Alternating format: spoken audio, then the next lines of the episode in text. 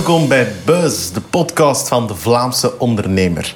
Cybersecurity, het is een hot topic en ik gebruikte al eens de metafoor van het slot op de deur. Maar ik heb er iemand bij mij die niet alleen het slot op de deur is, maar eigenlijk de buitenwipper die ernaast staat. Niet in een eh, zwarte leren jas, maar wel in een prachtig lichtblauw hemd. Dag Patrick Komers van Fortinet. Goedemiddag, Sander. Patrick, eh, de buitenwipper aan een eh, digitale nachtclub. Kan ik jullie zo een beetje samenvatten? Absoluut, klopt. Ik denk dat er genoeg redenen zijn om controles uit te oefenen aan de verschillende toegangspunten van de nachtclub. De nachtclub van het internet. Absoluut. Patrick, jij bent van Fortinet. Kan je eens even samenvatten? Wie zijn jullie? Waar staan jullie voor? Ja. Dus Fortinet is een uh, Amerikaanse cybersecurity fabrikant die tal van oplossingen maakt voor cybersecurity en netwerking. Ehm, opgericht in 2000. Ehm, we zijn nu uh, eh, 23 jaar verder. En ik moet eerlijk zeggen, toen ik 12 jaar geleden begon bij Fortinet in België, mm waren we met vier man. Nu zijn we met 65 man. Dus we hebben een heel grote groei uh, doorgemaakt. Moeilijker op de kaarten wel, met 65. Ja, absoluut. Ja, absoluut. En uh, ja, ik zeg het, ehm, cybersecurity is een hot topic. En we moeten die groei uh, mee blijven ondersteunen. Dus vandaar dat we zo exponentieel gegroeid zijn. Ja, ik denk dat jullie groei ook heel exemplarisch is voor hoe belangrijk het probleem is geworden. Hè? Van 4 naar 65. Uh, ik denk dat het uh, steeds belangrijker wordt, uh, cybersecurity. Is het een thema dat onderschat wordt of stiefmoederlijk behandeld wordt? Wel, dankzij de media en de verschillende breaches... Hè, de de verschillende cyberaanvallen die bij Belgische ondernemingen mhm. eh, onder de publieke belangstelling zijn gekomen. Denk aan de stad Antwerpen Stad Antwerpen uh, en nog zoveel andere. Uh, maakt dat er wel een grotere bewustwording is gekomen dat cybersecurity een hot topic is en een, allez, de nodige aandacht vereist. Maar neemt niet weg dat er toch nog wel een bepaalde weg af te leggen is omdat, denk ik, bepaalde security uh, aanpak, een bepaalde security approach, nog dateert van enkele jaren geleden en mhm. niet volledig aangepast is aan de uitdagingen van vandaag. Ja, die KMO's bijvoorbeeld, uh, dat is een, een, een, groep die heel kwetsbaar is. Daar gaan we het straks nog verder over hebben natuurlijk. Uh, maar een goede cybersecurity aanpak, dat uh, vergt een goed recept. Ja, ik zit heel hard in de etensmetaforen vandaag. Ik heb wat honger, denk ik, Patrick. Uh, een goed recept, wat zijn volgens jullie dan de goede ingrediënten om, uh, om die cybersecurity aanpak ja. ja. vorm te geven? Ja, dus cybersecurity als je kijkt, er zijn tal van cybersecurity frameworks uh, die uitleggen waarop een onderneming of een organisatie zich zou moeten focussen okay. om een hoog maturiteitsgehalte te behalen. En afhankelijk van hoe groot eh, de organisatie is, zal er in meerdere maten op verschillende pijlers moeten ingezet worden. En heel kort, wat dat we zien is dat vijf pijlers beginnen. De eerste pijler is met het identificeren van uw kritische assets. Okay. Wat zijn uw kritische processen? Wat dien je te beschermen? De tweede pijler gaat inzetten op het implementeren van tal van oplossingen ter beveiliging van uw data, uw netwerk. Tweede pijler. De derde pijler gaat dan zijn het detecteren van bepaalde anomalieën of een mogelijke aanval. Je moet het kunnen zien en je moet erop kunnen reageren. En dat is dus de vierde pijler, is het reageren op. um, om dan te eindigen, we gaan ervan uit dat er mogelijk toch een uh, aanval succesvol zou kunnen zijn. Hoe gaan we dan terug kunnen naar een toestand komen om terug normaal te kunnen functioneren. We noemen dat de recovery fase. Dat is van oké, we plannen voor het ergst mogelijke scenario. We zijn voorbereid op het ergst mogelijke scenario. Wat moeten we dan doen? Dat herstel, is dat dan misschien nog een van de belangrijkste dingen als je effectief aangevallen wordt? Want je, leest of je hoort vaak, Stad Antwerpen, om nu nog eens het voorbeeld te geven, hoe lang zijn die niet buiten strijd geweest? Hoe lang zijn die niet in hun systemen gekunnen? Hoe, hoe, belangrijk is het om, om en te reageren op een mogelijke aanval? Want je bent nooit volledig veilig. Hè? Je kan de beste systemen hebben, er kan altijd iets gebeuren. Absoluut. Hoe belangrijk is dat herstel dan? Ja, dus als je analistenrapporten leest, zie je dus inderdaad 100% security bestaat niet. Ik denk dat geen enkele uh, cybersecurity fabrikant u dat ook zal kunnen beloven. Ja. Hoeveel procent kan je dan beloven? Ik kan, er niet, ik kan er geen percentage op kunnen kleven. Ik denk dat indien men correct inzet op de verschillende pijlers, die vijf pijlers die ik daar juist heb vermeld, waar het voornamelijk ehm, om te doen is, ga ervan uit dat je vroeg of laat wordt aangevallen en ga er ook vanuit dat de hacker succesvol zal kunnen zijn. Oké, ja. Dus plan for the worst. Dus we gaan daarvan uit. Wat dat voornamelijk uh, cruciaal is in cybersecurity, is dat je zo snel mogelijk detecteert dat er iets niet klopt. Wat zien we uit analistenrapporten? Dat het maanden duurt soms voor organisaties doorhebben dat een hacker al binnen zit op het netwerk. Dus dat maakt dat in die tijdspanne de hacker natuurlijk tal van data kan hebben gestolen, tal van zaken kan hebben gemanipuleerd zonder dat de organisatie het beseft. Dus het detecteren. Hoe sneller men detecteert, hoe lager de kosten, hoe minder de impact, hoe sneller men terug back in business kan geraken. Dus detectie is heel belangrijk. Nogmaals, we gaan er altijd vanuit dat vroeg of laat een hacker die absoluut binnen wilt geraken, indien dat hij de nodige resources heeft, tijd, mhm. kennis, zal die binnen geraken.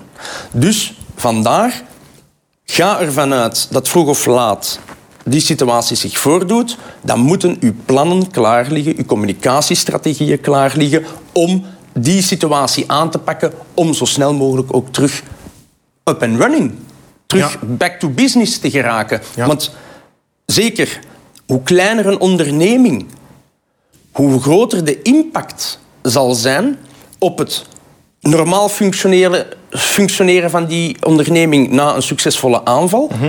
De vraag is die je kunt stellen als onderneming: hoe lang kan ik mij permitteren om buiten strijd te zijn, buiten geen business meer te kunnen doen? Voor één onderneming zal dat zijn twee, drie weken. Voor een andere onderneming zegt de buffer die dat we hebben misschien x aantal maanden. Maar als je niet weet hoe lang dat je kunt overleven, ja, dan kun je ook je security er niet op Ja, en een kleinere bedrijf, hoe kwetsbaarder, als ik je dan hoor, hoor, praten, Patrick. Dus KMO's zijn dan een heel kwetsbare groep. Want veel mensen denken, wat gaat een cybercrimineel bij mij komen zoeken? Ja. Ik ben een klein bedrijf, ik heb lagere omzet dan al die grote multinationals. Maar jij zegt, nee, het zijn misschien wel een van de kwetsbaarste. Wel, je moet onderscheid maken. Bij cyberattacks zijn er twee typen aanvallen. De doelgerichte aanval, waar dat de hacker duidelijk een een, uh, een doel uitkiest, een onderneming, een organisatie, waar dat ze zegt, daar willen we kost wat kost binnen geraken.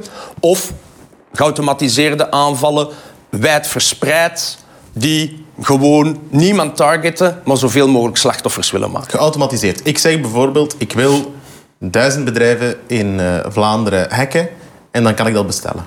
Ja, dus tegenwoordig, en dat is al een tijdje aan de, aan de gang, spreken we over cybercrime as a service. Ja? Dat is een volledig businessmodel op de dark web, waar dat je als niet-specialist heel de uh, aanvalskits kan kopen bij uh, cybercriminelen uh, met een helpdesk die ondersteunen om geautomatiseerd aanvallen op te zetten. Zonder daarvoor een doelbewust uh, organisatie uit te kiezen, maar gewoon massa aanvallen in te zetten en afhankelijk van hoe dat de security is uh, uitgebouwd bij de mogelijke slachtoffers, gaat je als uh, aanvaller merken dat je bij bepaalde onderneming relatief gemakkelijk binnenzit ja. en kunt je verder gaan. Het klopt, KMO's, blijkt uit uh, onderzoek, hebben nu eenmaal minder geïnvesteerd in cybersecurity omwille van budgettaire redenen, kennis Um, en noem maar op. Dus het water volgt de weg van de minste weerstand. Hetzelfde met cyberaanvallen. Indien het gemakkelijker is met een bepaald type organisatie binnen te geraken, zullen daar ook die aanvallen meer succesvol zijn. Dat is waar. Zoals de KMO's. Dat is waar. Maar het is natuurlijk geen slecht nieuwsshow die we hier brengen, want het water eh, eh, zal wel stromen. Maar je kan ook een dam bouwen als KMO. Dat kan je zeker doen. Ook eh, met jullie partnership met Exclusive Networks is natuurlijk een manier om die KMO's te bereiken. Om die ehm, op een uh, begrijpbare, behapbare manier te, uh, te laten kennismaken met die cybersecurity. Uh, ja, waarom is dat nu zo een goed huwelijk tussen Fortinet en Exclusive Networks? Want jullie zijn al lang partners, ook goede partners. Waarom werkt dat zo goed? Ja, omdat typisch ehm, fabrikant als, als Fortinet um, is een relatief kleine organisatie. En we hebben nooit de rijkwijde om alle mogelijke potentiële eindklanten te bereiken. En vandaar dat uh, Fortinet werkt volledig met een partnerkanaal. Wij verkopen niks rechtstreeks. Dat zal altijd via onze IT-partners en integratoren zijn. Nu, die IT-partners en integratoren gaan op hun beurt uh, onze technologie kunnen aanschaffen via Exclusive Networks, onze distributeur, die dan op zijn beurt het Fortinet-materiaal bij ons aankoopt.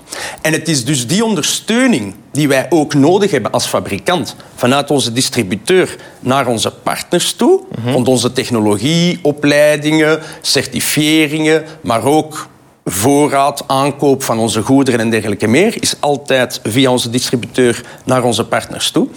Um, waardoor dat we natuurlijk, dankzij al die partners, met hun verkopers een veel grotere uh, rijkwijde hebben op het Belgisch en Luxemburgse uh, grondgebied, waardoor dat we veel meer eindklanten kunnen gaan uh, bereiken. En dat maakt dat wij ons kunnen focussen op onze core business, namelijk het evangeliseren over waarom Fortinet zo'n goede oplossing kan zijn voor die potentiële eindklant.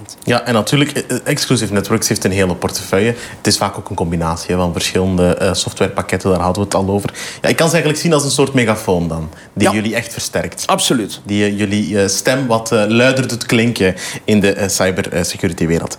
Patrick, jullie focus is ook de integratie van software in een geautomatiseerde omgeving. Automatisatie, het is weer zo'n buzzword, ik zal het dan maar noemen. Het is een woord dat veel valt. Het is ook een belangrijk woord. Ja. Uh, maar bij iets dat belangrijker wordt, komen er natuurlijk ook veiligheidsrisico's. Ja. Dus in dat opzicht zien we heel duidelijk dat de digitale transformatie van onze ondernemingen, die is al jaren en dag aan de gang, um, zijn er tal van nieuwe technologieën in de onderneming binnengebracht die maakt dat er ook heel veel nieuwe toegangspunten zijn gekomen op het uh, netwerk, waardoor natuurlijk de cyberrisico's enorm zijn toegenomen. En we weten enerzijds dat security wordt complexer en complexer, mhm. omdat de aanvallen ook veel geavanceerder zijn en complexer. En aan de andere kant hebben we in België, maar ook wereldwijd, een groot tekort aan geschoold IT-personeel.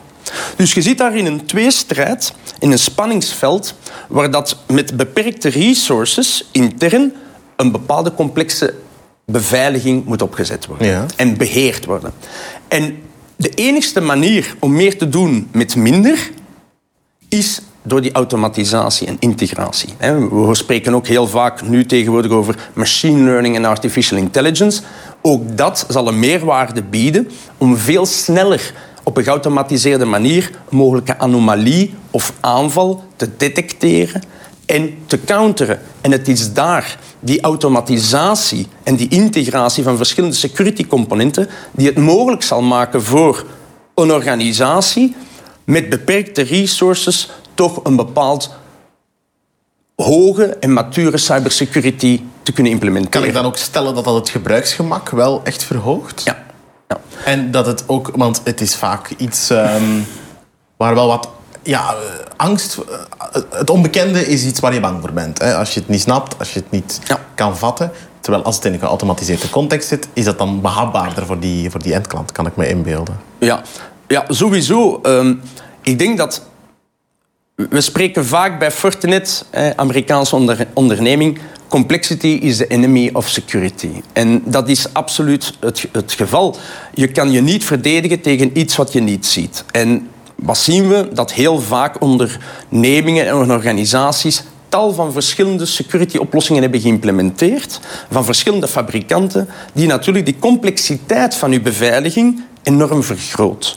Ze missen een totaal overzicht, ze missen visibiliteit, ehm, ze missen en ze hebben nood aan een, een transparante manier van al die tools te beheren. En dat gaat moeilijk als je met tal van technologieën zit van verschillende fabrikanten. Dus in dat vlak heeft Fortinet altijd al ingezet, nu meer dan tien jaar, uh, met onze grote portfolio van cybersecurity oplossingen naar een platform te evolueren. We noemen dat de Fortinet Security Fabric. Dat is een volledig geautomatiseerd en geïntegreerd platform waar dat we onze componenten met elkaar laten praten. Um, maar we we weten ook dat er nog tal van andere oplossingen zijn in de markt waar dat klanten uh, hebben in geïnvesteerd en dergelijke meer. Daarvoor hebben we een open ecosysteem dus gecreëerd waar dat tal van andere oplossingen op kunnen inpluggen. Maar het blijft de noodzaak om die complexiteit te reduceren, de visibiliteit te verhogen en sneller te kunnen reageren op een anomalie dankzij integratie en automatisatie. Ik vind het ook wel mooi hoe jullie dan ook wel die andere oplossingen mee omarmen. En het niet zien als een bedreiging, maar net als een versterking. Wel, we weten allemaal dat hè, big bad internet is daar nu eenmaal. Hackers zijn of staan nooit niet stil. Dat wil zeggen dat er nieuwe aanvalsmechanieken en technieken zullen ontwikkeld worden. Maakt ook dat er dus uit de cybersecurity-markt ook elke keer opnieuw nieuwe cybersecurity oplossingen op de mhm. markt zullen komen. Dat wil zeggen dat we dus spanningsveld hebben tussen meer en meer oplossingen die zullen moeten geïmplementeerd worden om een bepaald niveau van beveiliging te behouden. Mhm. Maar anderzijds hebben we nog altijd niet die IT-resources die daarmee kunnen omgaan. En dat spanningsveld wordt alleen maar groter. Dus vandaar dat we dus op zo'n platform moeten blijven inzetten en een open ecosysteem om zoveel mogelijk die automatisatie en integratie uh, van die cybersecurity oplossingen te bewerkstelligen. Ja, Patrick, er is nog één ding waar ik het over wil hebben. En dat is een, een veranderende realiteit. Die coronacrisis die eh, was op veel vlakken een gamechanger op de werkvloer. Het was eigenlijk een césuur. Eén ding dat wel is blijven hangen, dat merken we overal, dat is dat thuiswerken. Ja. Mensen gaan anders om met hun tijd, delen die ook anders in. Dat betekent ook wel dat je op niet meer in de digitale omgeving zit uh, van de werkvloer. Je zit niet meer met de kabel uh, ingeplucht, je zit niet meer op het lokale netwerk. Je werkt van thuis. Ik kan me inbeelden dat dat ook op security vlak een uitdaging is. En hoe gaan jullie daarmee om? Ja. Dus het klopt dat uh, COVID heeft een heel nieuwe manier van werken met zich meegebracht. Hè. De, we noemen dat de hybride manier van werken, waar dat elke organisatie personeel minstens één of twee dagen per week van thuis uit bijvoorbeeld laat werken. Nu, aangezien dat de gebruiker meer en meer mobiel is, de data die die gebruiker consumeert niet altijd zich in, binnen de onderneming bevindt, maar evengoed als een SaaS-oplossing zoals Office 365 of in de cloud zich bevindt, maakt dat heel die datastromen van de gebruiker die zijn applicaties wil raadplegen, van eender waar moet kunnen ondersteund worden, wil zeggen dat de, het gebruiksgemak en de end-user experience, om het met een mooi Nederlands woord te zeggen, moet optimaal zijn.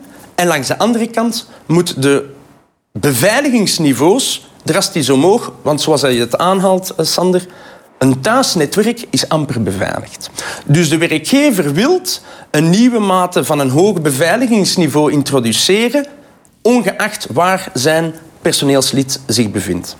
En in de visie van, van Fortinet ehm, zijn we daar uitgekomen bij onze SASI framework, het SASI-concept. Uh, ik bespaar u de uitleg rond de afkorting, maar waar komt het op neer? Van zodra dat de van zodra het personeelslid zich buiten de beveiligde omgeving bevindt van de organisatie, mm eender waar, gaat Fortinet in zijn cloudomgeving een volledige security-infrastructuur ter beschikking stellen voor die werknemer, dat wanneer die gaat surfen naar het internet, SaaS-applicaties wil raadplegen of eigen corporate resources, eigen applicaties die zich misschien nog voor een stuk on-site bevinden of in de cloud bijvoorbeeld, dat die op de volledig dezelfde manier van beveiliging die resources gaan raadplegen. En dat noemen ze het SASI-concept, mhm. waar dat dus de professionele enterprise-grade security wordt toegepast, ongeacht waar uw gebruiker zich bevindt. Dat is het achterliggende concept. En dat is een hele belangrijke, denk ik. Dat is uh, superbelangrijk. Ik ben blij dat je het allemaal zo behapbaar hebt kunnen voorstellen, Patrick. Uh, ik onthoud dat er uitdagingen op ons afkomen, maar dat we die altijd wel zullen moeten proberen tackelen. En dat het uh, een heel belangrijke blijft om op in te zetten, die cybersecurity.